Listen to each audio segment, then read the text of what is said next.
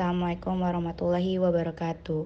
Jadi kita langsung aja ya ke kultum tentang syukur atau nikmat anggota badan. Ini isinya kayak lebih ke percakapan gitu. Jadi mulai ya. Suatu hari seseorang bertanya kepada Abu Hazim, "Bagaimana bentuk syukur kedua mata wahai Abu Hazim?" Abu Hazim menjawab, "Jika engkau melihat kebaikan, engkau mengumumkannya memberitahukan kepada yang lainnya, dan sebaliknya, jika engkau melihat kejelekan, engkau menyembunyikannya. Lelaki itu bertanya lagi, bagaimana syukur kedua telinga? Abu Hazim menjawab lagi, jika engkau mendengar kebaikan, maka engkau menjaganya. Dan jika engkau mendengar kejelekan, engkau menolaknya.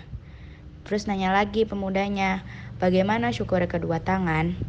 Dijawab lagi, janganlah engkau mengambil apa-apa yang bukan milik keduanya, dan janganlah engkau tahan hak untuk Allah apa yang ada pada keduanya. Lelaki itu bertanya lagi, bagaimana syukurnya perut? Abu Hazim menjawab, jadikanlah makanan di bawahnya dan ilmu di atasnya. Dia nanya lagi nih, bagaimana syukurnya kemaluan? Iya, uh, Abu Hazim menjawab dengan membacakan ayat dan orang-orang yang menjaga kemaluannya kecuali terhadap istri-istri mereka atau budak yang mereka miliki maka sesungguhnya mereka dalam hal ini tiada tercela. Barang siapa mencari yang dibalik itu maka mereka itulah orang-orang yang melampaui batas.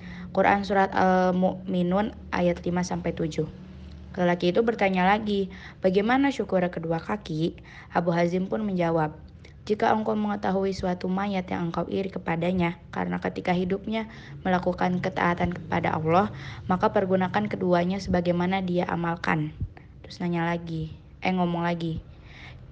Abu Hazim yang ngomong lagi, jika engkau tidak bersyukur dengan seluruh anggota badanmu, maka perumpamaannya adalah seperti seseorang yang mempunyai pakaian, lalu dia mengambil ujungnya dan tidak memakainya. Maka pakaian itu tidak memberikan manfaat sedikit pun kepadanya untuk menghindari panas, dingin, salju, dan hujan. Sebagian ulama telah menulis surat kepada salah satu seorang saudaranya. Sungguh kami telah berada di pagi hari dengan nikmat-nikmat dari Allah yang tidak dapat dihitung bersamaan dengan banyaknya maksiat yang telah kami lakukan. Maka kami tidak tahu mana di antara keduanya yang bisa kami syukuri. Apakah keindahan yaitu baik kebaikan-kebaikan yang telah dimudahkan bagi kita ataukah kejelekan-kejelekan yang telah ditutupi. Subhanallah. Seorang muslim tidak boleh sekejap pun tidak melupakan syukur kepada Allah. Mengapa? Tidakkah kita sadari betapa banyak nikmat yang telah Allah berikan kepada kita meski kita sering berbuat maksiat?